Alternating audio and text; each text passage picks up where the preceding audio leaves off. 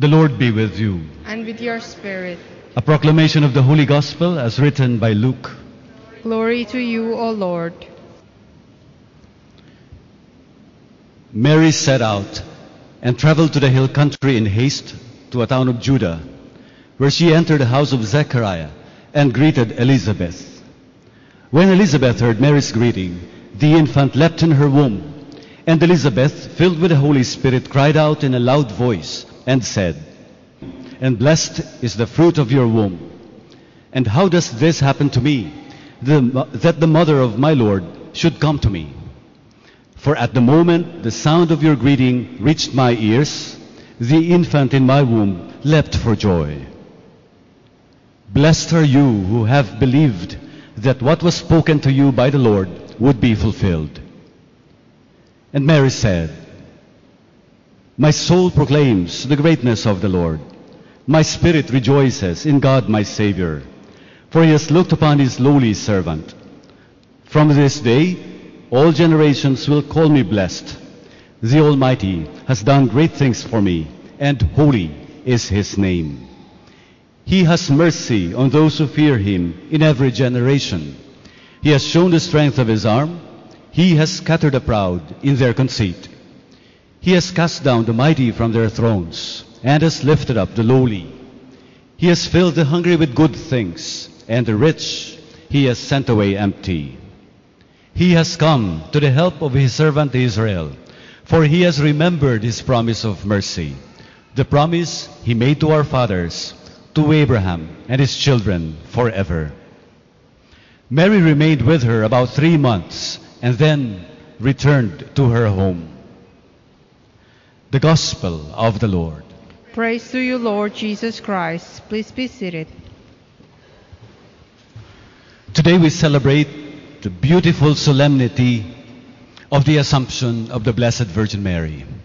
Why beautiful? Because in her body, in her body, she went to heaven. Come to think of it. She went body and soul into heaven. And this is the promise not only for Mary, but for all of us. Can you believe it? The body that you have now, that is what you will bring to heaven. So take care of the body. Because we are taught the body is sacred. Sacred because God will say hi to you. Face to face. Isn't that exciting? In the next semester, we have already opened our semester in the Philippines, so I am due to go there. I am very excited because for the first time after more than two years, I will meet my classes in the university face to face. I thought that's the only excitement that I have for coming home. Just a few days ago, I was told that I have to fix my calendar. Because the families of my students who already, graduated in philosophy, they were my advisees.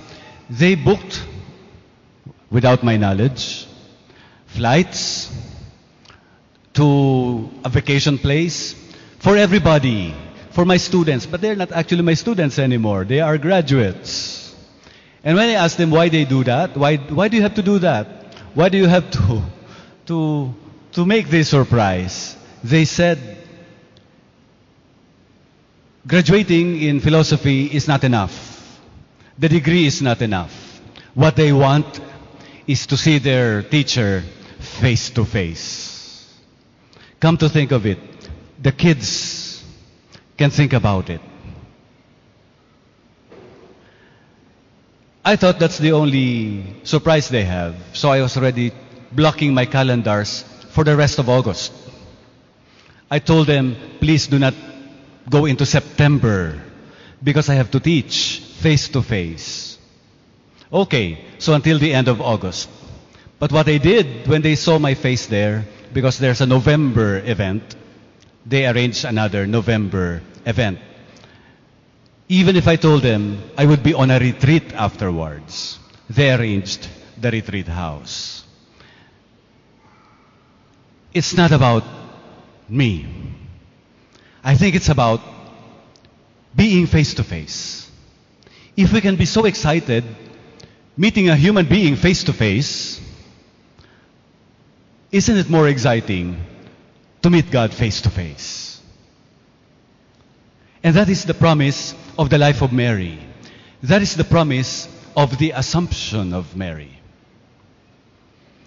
She was assumed into heaven not because of her own merits. She was assumed into heaven because she is the mother of Jesus. And how can it be that the mother of Jesus will be left behind? She who bore Jesus in her womb and who nurtured him and stood at the foot of the cross. That is why the ancient fathers of the church, even St. Paul, would teach us in today's reading that that is the reason for the glory of Mary. The glory of Mary is not her own alone. It is the glory of the church. And it is ours. With her, it is easier to accept the fact that when we die, we do not die alone, or we do not die forgotten, or we are not buried and that is the end of it all. No. The promise of heavenly glory happened to the Blessed Virgin Mary. The Lord did not leave her in the tomb. That is the truth. Because her body that bore the Savior of the world was saved by the Savior of the world. And that is why she has gone before us, and where she has gone, we will follow. However, there's a challenge that St. Paul tells us, and the same gospel reading affirms, and that is that would only happen if Christ totally reigns in us. Meaning to say that Christ will put to death everything that is inimical to Christ. Meaning to say, everything that is opposite of what Jesus has come to do for us. And that is to save us from our sin. Therefore, we will die. Before we die our physical death, we need to die so many deaths. And these are happy deaths. What are these deaths?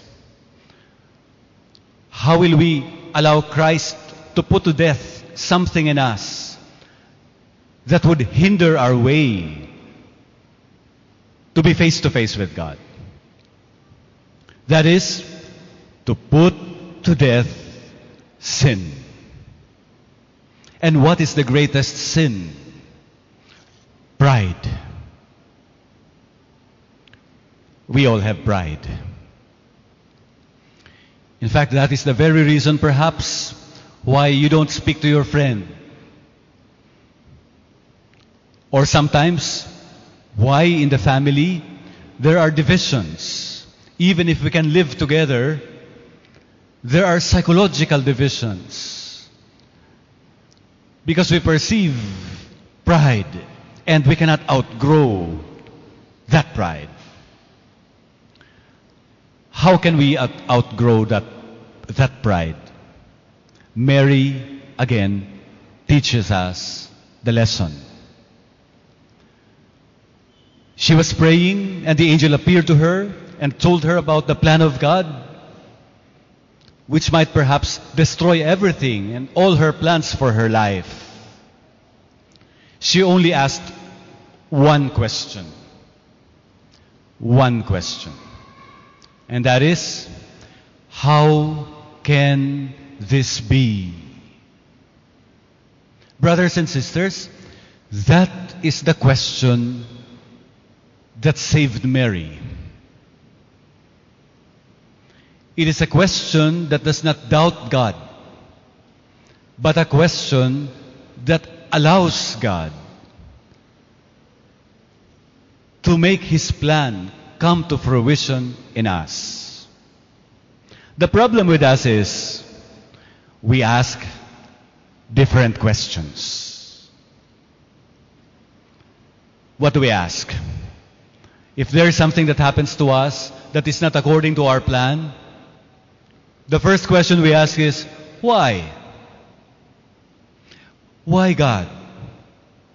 And we keep repeating the question. The more we repeat why, the more there are no answers, the more we tend to become like maybe hurt, maybe even angry. Some would even say, I don't like to pray anymore. I don't like to go to church anymore. You're not answering my question. And the question is, why? If we don't ask the question why, we ask the question, what about? What about my dreams? What about my plans? What about my family? What about my career? What about my wealth? What about? There's another question that we ask. What for? For what? I'm already happy. I'm already content. Don't, don't plan anymore for me. I can live the rest of my life the way I like it. So what about? Don't disturb me, God. I'm okay. These are the questions we ask. And because these are the things we ask about, we become sad. We become sad because there are no answers coming from God. Or we become sad because the answers that we get do not satisfy our deepest longings. What about my family? Then you have your family. And then you're not yet, you're not yet happy with your family. What about my bank? There you have your bank. And yet you're not happy. What for? And then you become alone. And then you become unhappy. Mary teaches us the right question to ask. So when there are moments in our life when we begin to blame God for not answering us, please think again.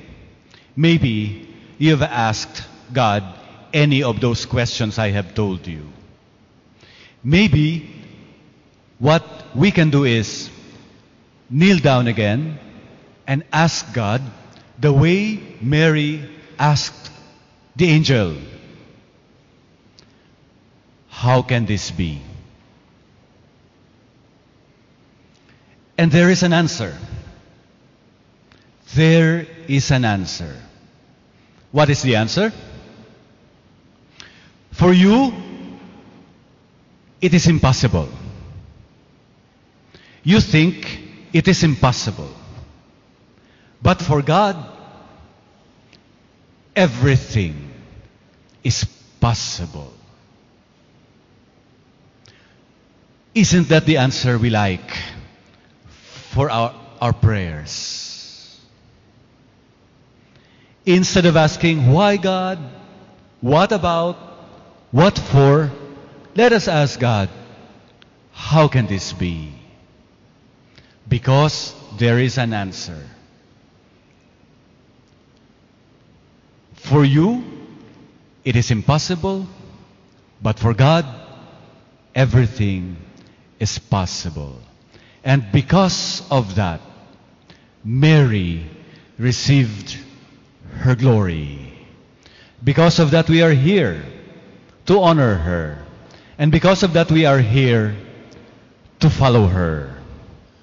Because when we follow her, the way she asked her questions, the way she lived her life, then one day, congratulations, it will be your own assumption. Brothers and sisters, as we receive the Lord in the Eucharist today, Jesus, the Son of Mary, let us ask for that singular grace. Let us pray that we may stop asking the Lord why or complaining what for or what about. Let us ask for the same humility of Mary to be able to ask God, how can this be? So that for us, everything will be possible by the grace of God.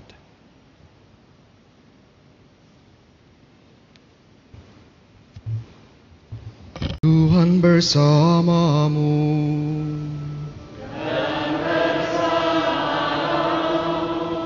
Inilah Injil suci menurut Lukas.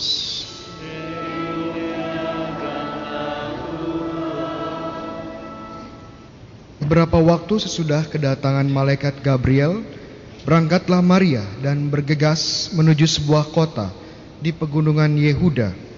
Di situ ia masuk ke rumah Zakaria dan memberi salam kepada Elizabeth.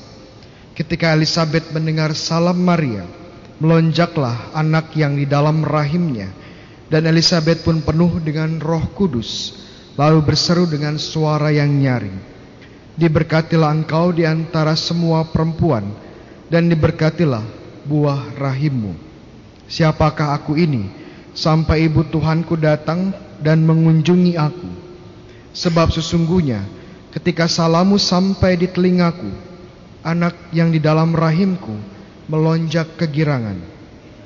Berbahagialah ia yang percaya sebab Tuhan yang dikatakan kepadanya sebab firman Tuhan yang dikatakan kepadanya akan terlaksana. Lalu kata Maria, jiwaku memuliakan Tuhan dan hatiku bergembira karena Allah juru selamatku. Sebab ia telah memperhatikan kerendahan hambanya. Sesungguhnya mulai sekarang segala keturunan akan menyebut aku berbahagia. Karena yang maha kuasa telah melakukan perbuatan-perbuatan besar kepadaku dan kuduslah namanya. Rahmatnya turun-temurun atas orang yang takut akan dia. Ia memperlihatkan kuasanya dengan perbuatan tangannya dan mencerai beraikan orang-orang yang congkak hatinya. Ia menurunkan orang-orang yang berkuasa dari tahtanya dan meninggikan orang-orang yang rendah. Ia melimpahkan segala yang baik kepada orang yang lapar dan menyuruh orang kaya pergi dengan tangan hampa. Ia menolong Israel hambanya karena ia mengingat rahmatnya seperti yang dijanjikannya kepada nenek moyang kita, kepada Abraham dan keturunannya untuk selama-lamanya. Kira-kira tiga bulan lamanya, Maria tinggal bersama dengan Elizabeth, lalu pulang ke rumahnya. Demikianlah sabda Tuhan.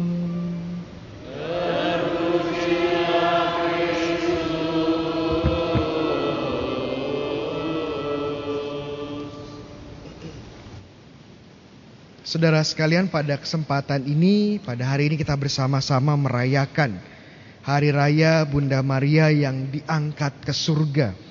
Dan pada kesempatan ini, izinkanlah saya untuk sedikit membahas tentang sebuah fenomena yang saya sebut sebagai Maria Fobia. Maria Fobia. Apa itu Romo? Maria Fobia ya. Takut akan Maria. Maksudnya apa Romo? Ini adalah kesalahpahaman ya, kesalahpahaman yang ada di antara kita yang membuat kita takut dengan Maria, membuat kita takut untuk mendekati Maria, mendekati Bunda Maria, menghormati Bunda Maria dan mencintai Bunda Maria. Dan biasanya Maria fobia ini terlahir dalam bentuk seperti kata-kata seperti ini. Gereja Katolik itu sepertinya menghormati Bunda Maria terlalu berlebihan. Atau mungkin dalam bentuk seperti ini. Orang Kristen Katolik itu kok sepertinya menyembah Bunda Maria. Sampai-sampai kemarin heboh ya. Ada sebuah buku pelajaran agama yang diterbitkan oleh Menteri Pendidikan, Kementerian Pendidikan yang isinya mengatakan orang Katolik itu menyembah Bunda Maria. Pertanyaan saya sekarang kepada teman-teman, benar nggak sih kita menyembah Bunda Maria? Jawabannya tidak. Kita tidak pernah menyembah Bunda Maria. Menghormati, iya, tapi tidak menyembah Bunda Maria. Lalu kenapa sih kok sering kita mendapatkan asumsi-asumsi kesalahpahaman-kesalahpahaman ini di antara kita. Dan juga kenapa ada Maria fobia, takut untuk mendekati Bunda Maria. Akarnya di mana sih? Pada kesempatan ini saya akan memberikan tiga alasan kenapa kok ada Maria fobia. Alasan pertama adalah ada sebagian orang yang masih bingung antara yang namanya penyembahan dengan doa. Ada orang-orang yang menyatukan dua konsep ini. Bahwa semua bentuk doa adalah bentuk penyembahan. Jadi kalau ada orang yang melihat kita berdoa kepada Bunda Maria, itu kita dibilang langsung, wah itu menyembah Bunda Maria. Tapi apakah doa itu penyembahan? Jawabannya belum tentu. Kenapa? Karena doa, arti sejati dari kata doa itu artinya memohon, meminta sesuatu. Dalam bahasa Inggris, doa itu prayer. Dan kata prayer itu akar kata lainnya adalah kata Latin pregare yang artinya memohon atau meminta. Sama dengan kata doa. Kata doa juga dari bahasa Arab ya, yang artinya juga meminta, memohon. Jadi saat kita berdoa kepada Allah atau berdoa kepada Bunda Maria, para kudus, itu sebenarnya kita memohon sesuatu. Tidak langsung menyembah. Sama seperti saat kita memohon sesuatu kepada orang tua kita. Atau kita minta ke orang tua kita untuk mendoakan kita kepada Tuhan. Atau kita mendekati seseorang, romo atau suster, Romo minta tolong saya didoakan. Itu sebenarnya sama saat kita mendekati Bunda Maria. Saat kita mendekati Bunda Maria, sebenarnya kita minta Bunda Maria mendoakan kita kepada putranya Yesus. Semakin dekat dengan Yesus, pasti semakin didengar. Bunda Maria sangat dekat dengan Tuhan Yesus. Lah, ibunya sendiri. Iya. Dan dengan pasti ini yang membedakan ya uh, antara doa dan penyembahan. Nah, penyembahan itu apa sebenarnya? Kenapa sedikit berbeda dengan doa? Karena penyembahan sejati kalau teman-teman baca kitab suci itu selalu ada ada apanya? Ada persembahan kurbannya. Ada kurban yang dipersembahkan saat penyembahan. Coba deh teman-teman baca dari buku kejadian ya pertama sampai buku terakhir di kitab suci. Buku terakhir di kitab suci apa? Ada yang tahu? Iya, ibu dapat pisang ya, Wahyu. Penyembahan itu selalu ada kurban yang dipersembahkan. Contohnya ya, Abel. Waktu dia menyembah Tuhan, dia mempersembahkan hasil ternaknya. Begitu juga dengan Abraham, dengan Nuh, apalagi Musa dan Harun. Di kitab suci perjanjian lama ada satu buku yang didedikasikan bagaimana cara umat Israel menyembah Allah dengan mempersembahkan kurban. Bukunya apa? Kalau tahu ini saya kasih satu pohon pisang. Iya. Bukunya adalah buku Imamat. Kalau teman-teman baca buku Imamat bab 1 sampai 5 itu semuanya berisi jenis-jenis kurban. Kurban bakaran, kurban syukur, kurban penghapusan dosa dan sebagainya. Ini adalah jenis penyembahan. Saat kita menyembah Tuhan, kita mempersembahkan kurban. Pertanyaan berikutnya. Gereja Katolik ada persembahan kurban enggak? Jawabannya ada. Tapi kurbannya bukan lagi ayam dipotong, bukan ya. Kurbannya bukan lagi sapi dipotong, bukan. Kurbannya bukan lagi domba disembelih, bukan. Kurbannya apa sekarang? Iya, betul sekali. Kurbannya adalah Yesus Kristus sendiri. Kapan kita mempersembahkan Yesus Kristus kepada Allah Bapa? Jawabannya saat Ekaristi. Teman-teman di sini ngapain di sini? Mempersembahkan kurban paling sempurna kepada Tuhan, menyembah Tuhan. Itu kenapa disebut meja ini disebut meja altar. Nama lain dari altar itu mesbah. Kenapa disebut altar atau mesbah? Karena ini adalah tempat persembahan kurban. Pertanyaan berikutnya, kenapa saat kita menerima komuni itu disebut sebagai hosti? Kok disebut hosti? Saya sudah pernah kasih tahu jawabannya ya. Ada yang tahu? Iya. Pisangnya habis ya. disebut hosti bukan karena suka-suka romonya ya nyebutnya hosti, bukan. Kata hosti dari bahasa Latin hostium artinya kurban. Jadi apa yang kita rayakan di sini adalah persembahan kurban sempurna Yesus Kristus yang adalah penyembahan sejati. Jadi kita bisa bedakan ya, yang mana yang doa yang bisa ditujukan kepada para kudus bahkan kepada orang tua kita. Sebenarnya kalau kita mendekati orang tua kita dan minta tolong, ya itu sebenarnya bentuk doa loh. Tapi kita tidak pernah mempersembahkan kurban kepada Bunda Maria. Pernah lihat kita mempersembahkan sesajen kepada Bunda Maria? Gak ada ya. Mempersembahkan ayam yang disembelih darahnya dipercikan gak ada ya.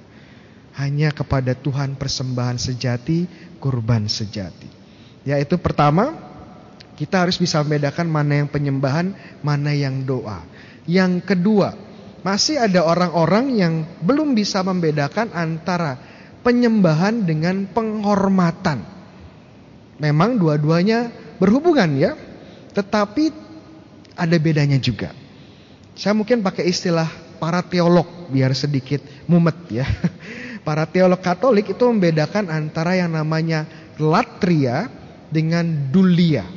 Latria ini bentuk penyembahan hanya kepada Tuhan dengan mempersembahkan kurban tadi dan dulia ini adalah bentuk penghormatan kepada para kudus, kepada malaikat dan bahkan kepada manusia. Dan ini bisa dalam berbagai macam bentuk, bentuk penghormatan. Saat kita mempersembahkan bunga, itu bentuk penghormatan. Saat kita mencium tangan seseorang, itu bentuk penghormatan. Saat kita menunduk bahkan, itu juga bisa bentuk penghormatan. Saat kita memberikan gelar-gelar kehormatan pada orang yang kita hormati, itu juga bentuk penghormatan. Tidak salah, tidak mesti menjadi bentuk penyembahan. Contoh kalau kita hormat dengan orang tua, kita ngapain? Kita cium tangannya kan? Ini anak-anak di sini masih suka cium tangan orang tua. Itu kan bentuk penghormatan ya, bukan bentuk penyembahan. Kita nggak menyembah orang tua kita ya. Atau saat kita memberikan bunga ya kepada mama yang lagi ulang tahun hari ini ya. Ya mungkin hari ini mama ulang tahun kita kasih bunga ya. Itu bentuk penyembahan bukan, itu penghormatan. Kalau kita memberi gelar kehormatan, contohnya saya disebut sebagai Romo ya. Romo itu kan gelar kehormatan. Apakah teman-teman menyembah saya? Tidak. Itu hanya gelar penghormatan. Hanya sekedar menghormati. Dan kita tidak memberikan latria atau penyembahan kepada Maria tetapi penghormatan. Kenapa kita kasih bunga ya? Kenapa Maria punya banyak gelar kehormatan? Ini semua bentuk penghormatan. Yang terakhir, ada beberapa orang yang melihat relasi antara Tuhan dengan ciptaan itu relasi oposisi atau relasi persaingan. Jadi kalau Tuhan ini dicintai, Tuhan ini nomor satu, berarti kita tidak boleh mencintai sesama kita, tidak boleh menghormati sesama kita lebih dari Tuhan. Kalau enggak ada persaingan antara Tuhan dan ciptaan. Makanya orang-orang yang melihat kita menghormati Bunda Maria, mencintai Bunda Maria, kaget ya. Kalian kok menghormati Bunda Maria keterlaluan? Ini kan tidak senang Tuhannya. Seolah-olah tidak menghormati Tuhan. Seolah-olah tidak mencintai Tuhan. Tunggu dulu. Karena relasi antara ciptaan dan pencipta antara Allah dengan ciptaan itu bukan relasi oposisi atau relasi persaingan.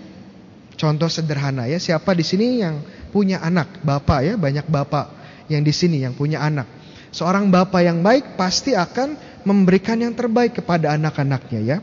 Memberikan pendidikan, memberikan sandang pangan papan, memberikan apalagi ya warisan. Kalau anaknya butuh sesuatu pasti diberikan. Kenapa? Karena bapak yang baik pasti pengen anak-anaknya sukses dalam hidup. Nah, seandainya anaknya sukses nih ya, anaknya jadi juara kelas dan kemudian maju mendapatkan piala di sekolah. Semua orang tepuk tangan ya. Luar biasa ini anak ya, juara kelas, pinter sekali. Kira-kira bapaknya melihat anaknya diberi tepuk tangan, bapaknya marah nggak? Enggak. Bapaknya akan bilang, oh nggak boleh kalian beri tepuk tangan ke dia, beri tepuk tangan saya. Saya yang memampukan dia. Kira-kira seperti itu nggak bapaknya? Enggak. Bapaknya akan bangga, akan ikut senang dengan prestasi anaknya. Sama seperti Allah kita. Dia memampukan kita, memampukan Bunda Maria menjadi berprestasi secara rohani. Dan saat kita menghormati Bunda Maria, kita juga memberikan hormat kepada Allah yang memampukan. Contoh kedua, di sini banyak bapak-bapak ya, yang nggak sebanyak ibu-ibu ya. Bapak-bapak di sini pasti cinta mati dengan istrinya. Ya. Istri yang sah ya. istrinya, pasti kan? Kok hanya sedikit yang nunduk ya? iya, pasti cinta mati dengan istrinya semua diberikan waktu, tenaga, ya, perhatian, hidupnya. Ya. Pertanyaan saya, saat memberikan seutuhnya kepada istrinya, kira-kira Tuhan cemburu nggak? Kamu seharusnya mencintai saya lebih dari istri kamu. tidak. Tuhan tidak akan cemburu. Kenapa? Karena kita mencintai Tuhan melalui cinta kita terhadap keluarga. Saat seorang bapak di sini mencintai secara total kepada istrinya, itu bentuk cintanya kepada Tuhan. Tidak ada persaingan antara manusia dengan Tuhan. Sama analoginya seperti kalau kita punya anak ya. Dan bapak ini mencintai anaknya luar biasa sekali. Kira-kira ibu akan cemburu nggak? Tidak. Justru ibunya merasa senang, merasa juga dicintai. Sama, saat kita mencintai Bunda Maria, kita sebenarnya mengekspresikan cinta kita kepada Tuhan sendiri. Jadi jangan takut ya kita buang jauh-jauh Maria fobia ini. Jangan takut untuk mendekati Bunda Maria, jangan takut menghormati Bunda Maria, jangan takut mencintai Bunda Maria. Karena saat kita menghormati Bunda Maria, mencintai Bunda Maria, kita menghormati dan mencintai Allah sendiri. Tuhan memberkati. Tuhan bersamamu dan bersama rohmu. Inilah Injil suci menurut Santo Lukas. Dan Tuhan. Beberapa waktu sesudah kedatangan malaikat Gabriel, berangkatlah Maria dan bergegas menuju sebuah kota di pegunungan Yehuda. Di situ ia masuk ke rumah Sakaria dan memberi salam kepada Elizabeth. Ketika Elizabeth mendengar salam Maria, melonjaklah anak yang di dalam rahimnya. Dan Elizabeth pun penuh dengan roh kudus, lalu berseru dengan suara nyaring, Diberkatilah engkau di antara semua perempuan, dan diberkatilah buah rahimmu. Siapakah aku ini sampai ibu Tuhanku datang mengunjungi aku. Sebab sesungguhnya ketika salammu sampai di telingaku, anak yang di dalam rahimku melonjak kegirangan. Berbahagialah ia yang percaya, sebab firman Tuhan yang dikatakan kepadanya akan terlaksana. Lalu kata Maria, jiwaku memuliakan Tuhan, dan hatiku bergembira karena Allah juru selamatku. Sebab ia telah memperhatikan kerendahan hambanya. Sungguhnya mulai sekarang segala keturunan akan menyebut aku berbahagia. Karena yang maha kuasa telah melakukan perbuatan-perbuatan besar kepadaku. Dan kuduslah namanya. Rahmatnya turun-temurun atas orang yang takut akan dia ia memperlihatkan kuasanya dengan perbuatan tangannya dan mencerai-beraikan orang-orang yang congkak hatinya. Ia menurunkan orang-orang yang berkuasa dari tahtanya dan meninggikan orang-orang yang rendah.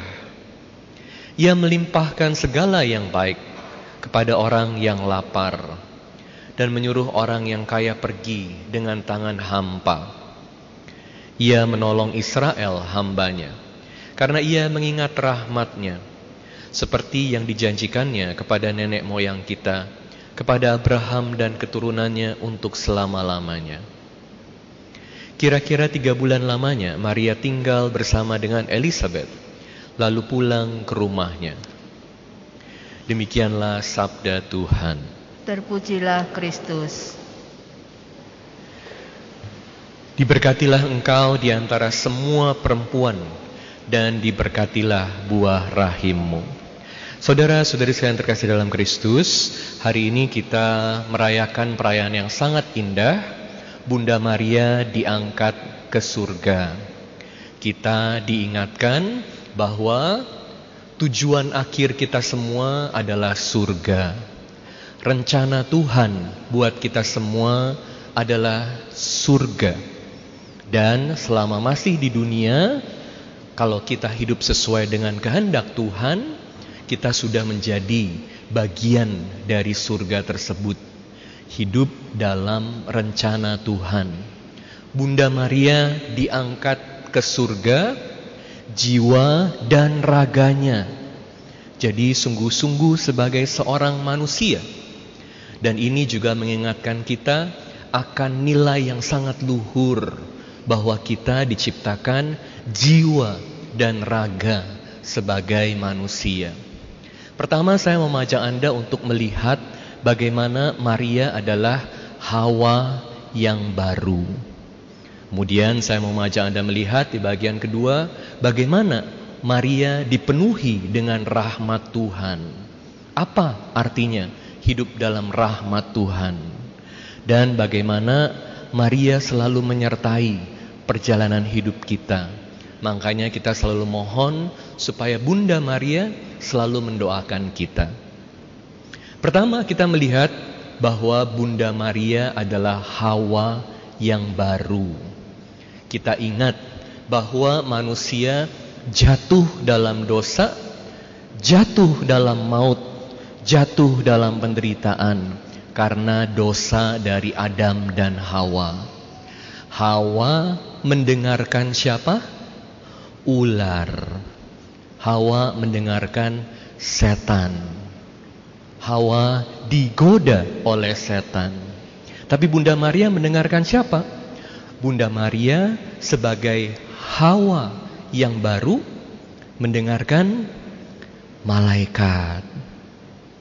Makanya kita juga perlu bertanya dalam hidup kita, siapa yang kita dengerin? Kita perlu belajar dari Bunda Maria, Hawa yang baru untuk mendengarkan malaikat.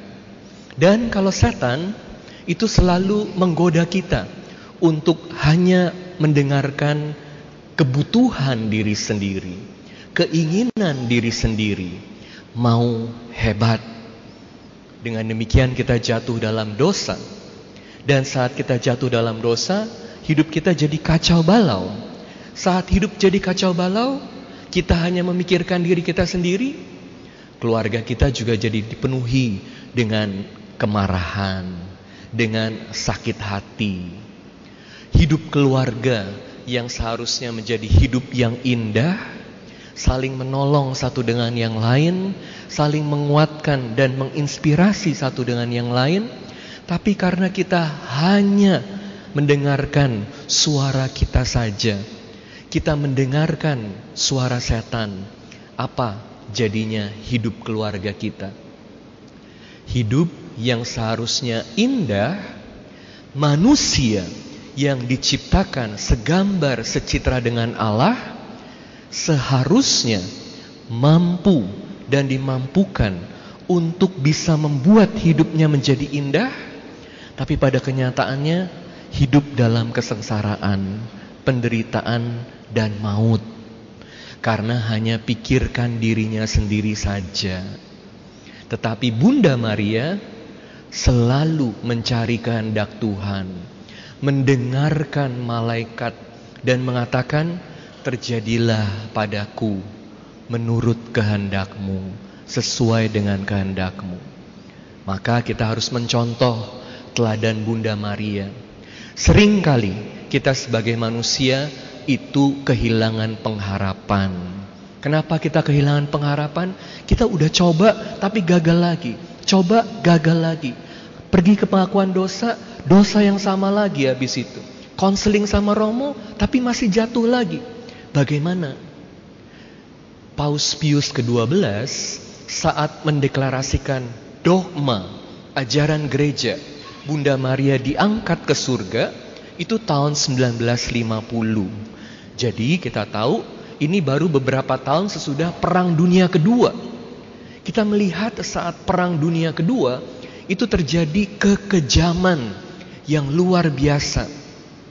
Hidup manusia tidak dianggap dan banyak orang kehilangan pengharapan untuk bisa punya hidup yang baik.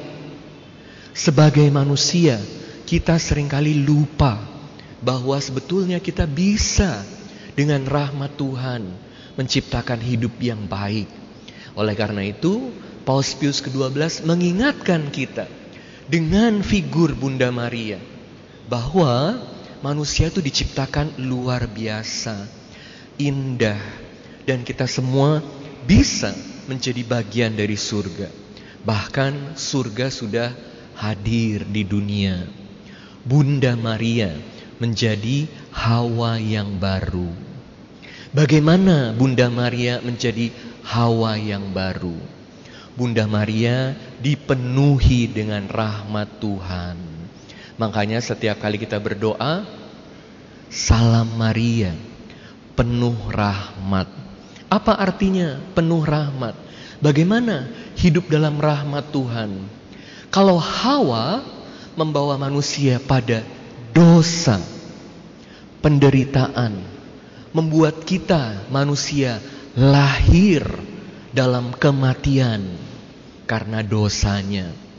Bunda Maria Hawa yang baru lewat rahimnya yang dipakai Tuhan melahirkan tentu kita semua tahu Yesus. Yesus membawa apa? Yesus membawa rahmat Tuhan. Yesus adalah Allah sendiri yang hadir sebagai manusia.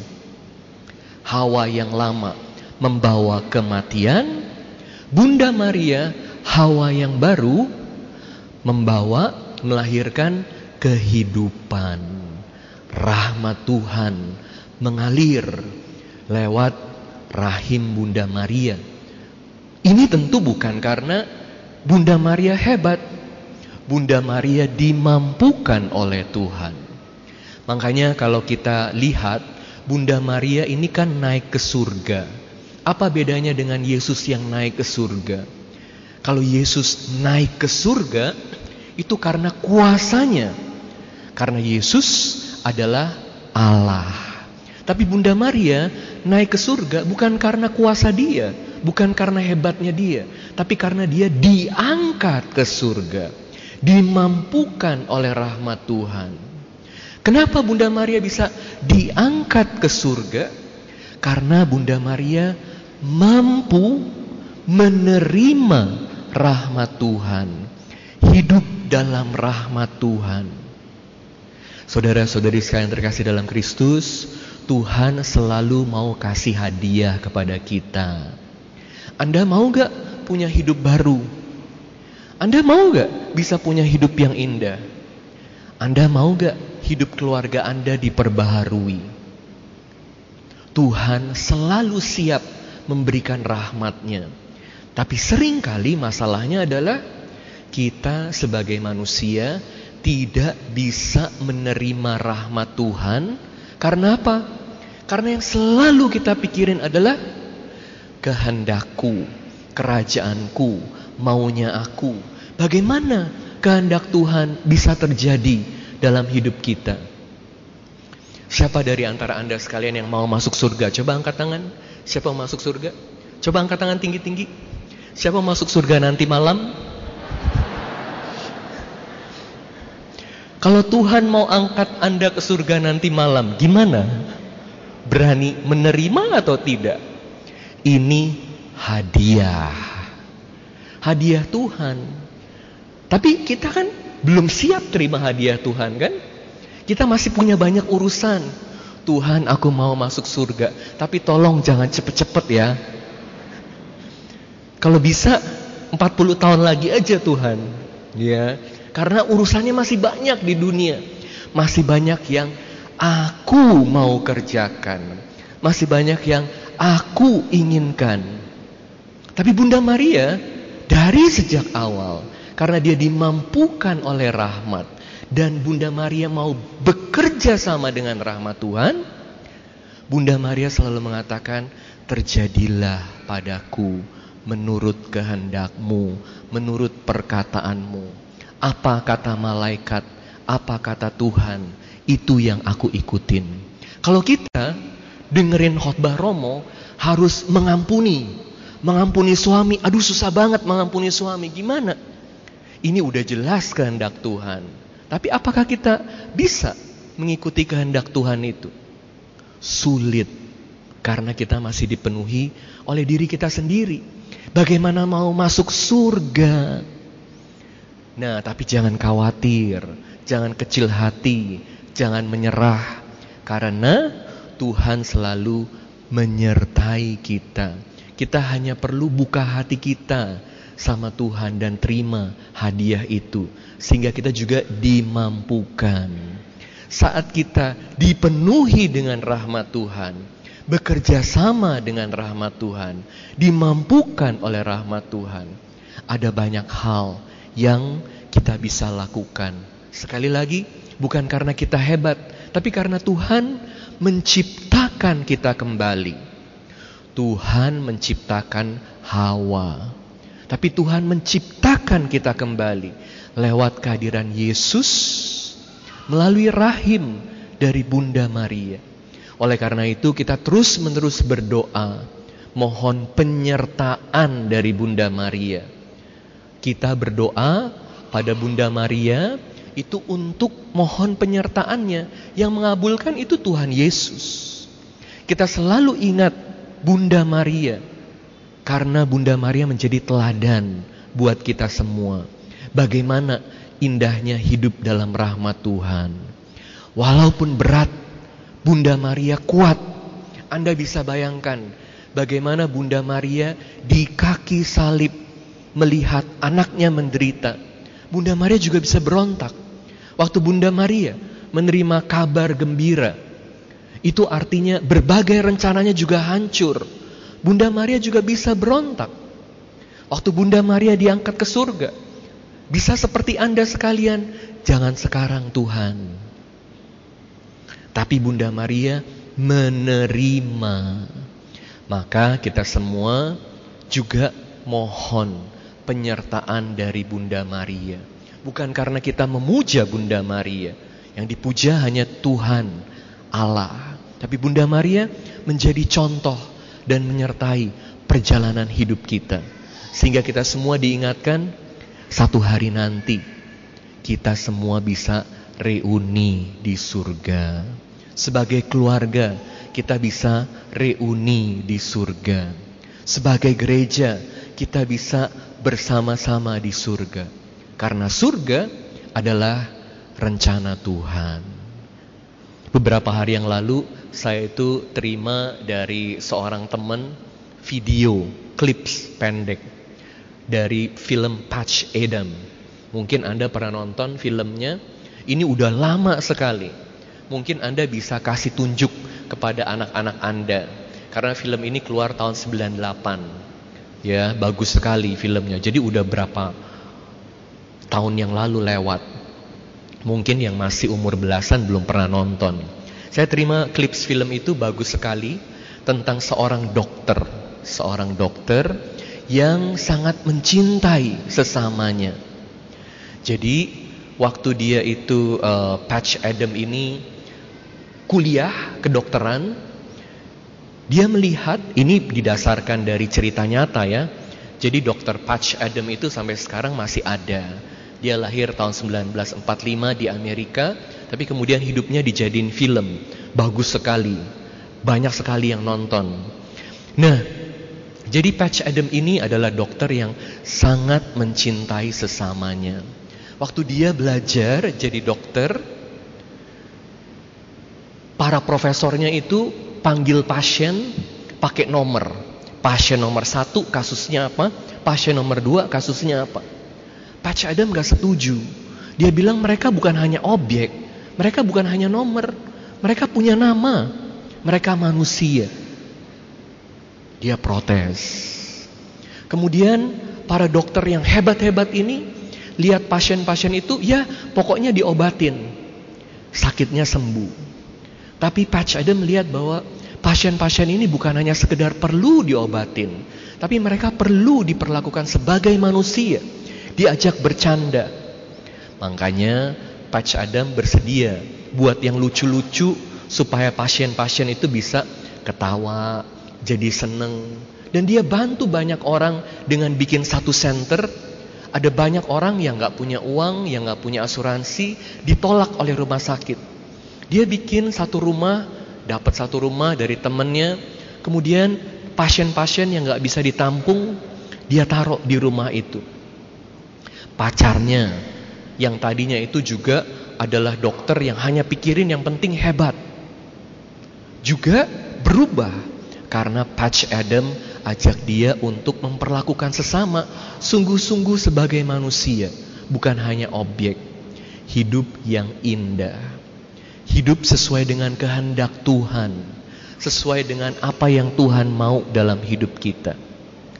Sayangnya walaupun kita hidup sejalan dengan kehendak Tuhan, sering kali masih ada hal-hal yang terjadi tidak sesuai dengan apa yang kita mau. Tapi itu yang Tuhan rencanakan. Ternyata pacarnya ini satu hari itu ketemu sama satu pasien di telepon, kamu datang dong ke tempat saya. Pacarnya ini udah ngeliat ini pasien aneh sekali. Lebih baik saya nggak usah ke sana.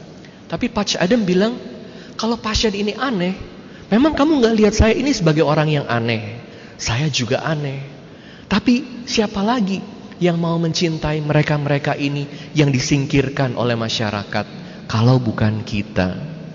Akhirnya pacarnya bersedia datang mengunjungi orang yang aneh ini, tapi ternyata orangnya ini sakit jiwa, jadi pacarnya dibunuh dan habis itu orang yang aneh ini bunuh diri.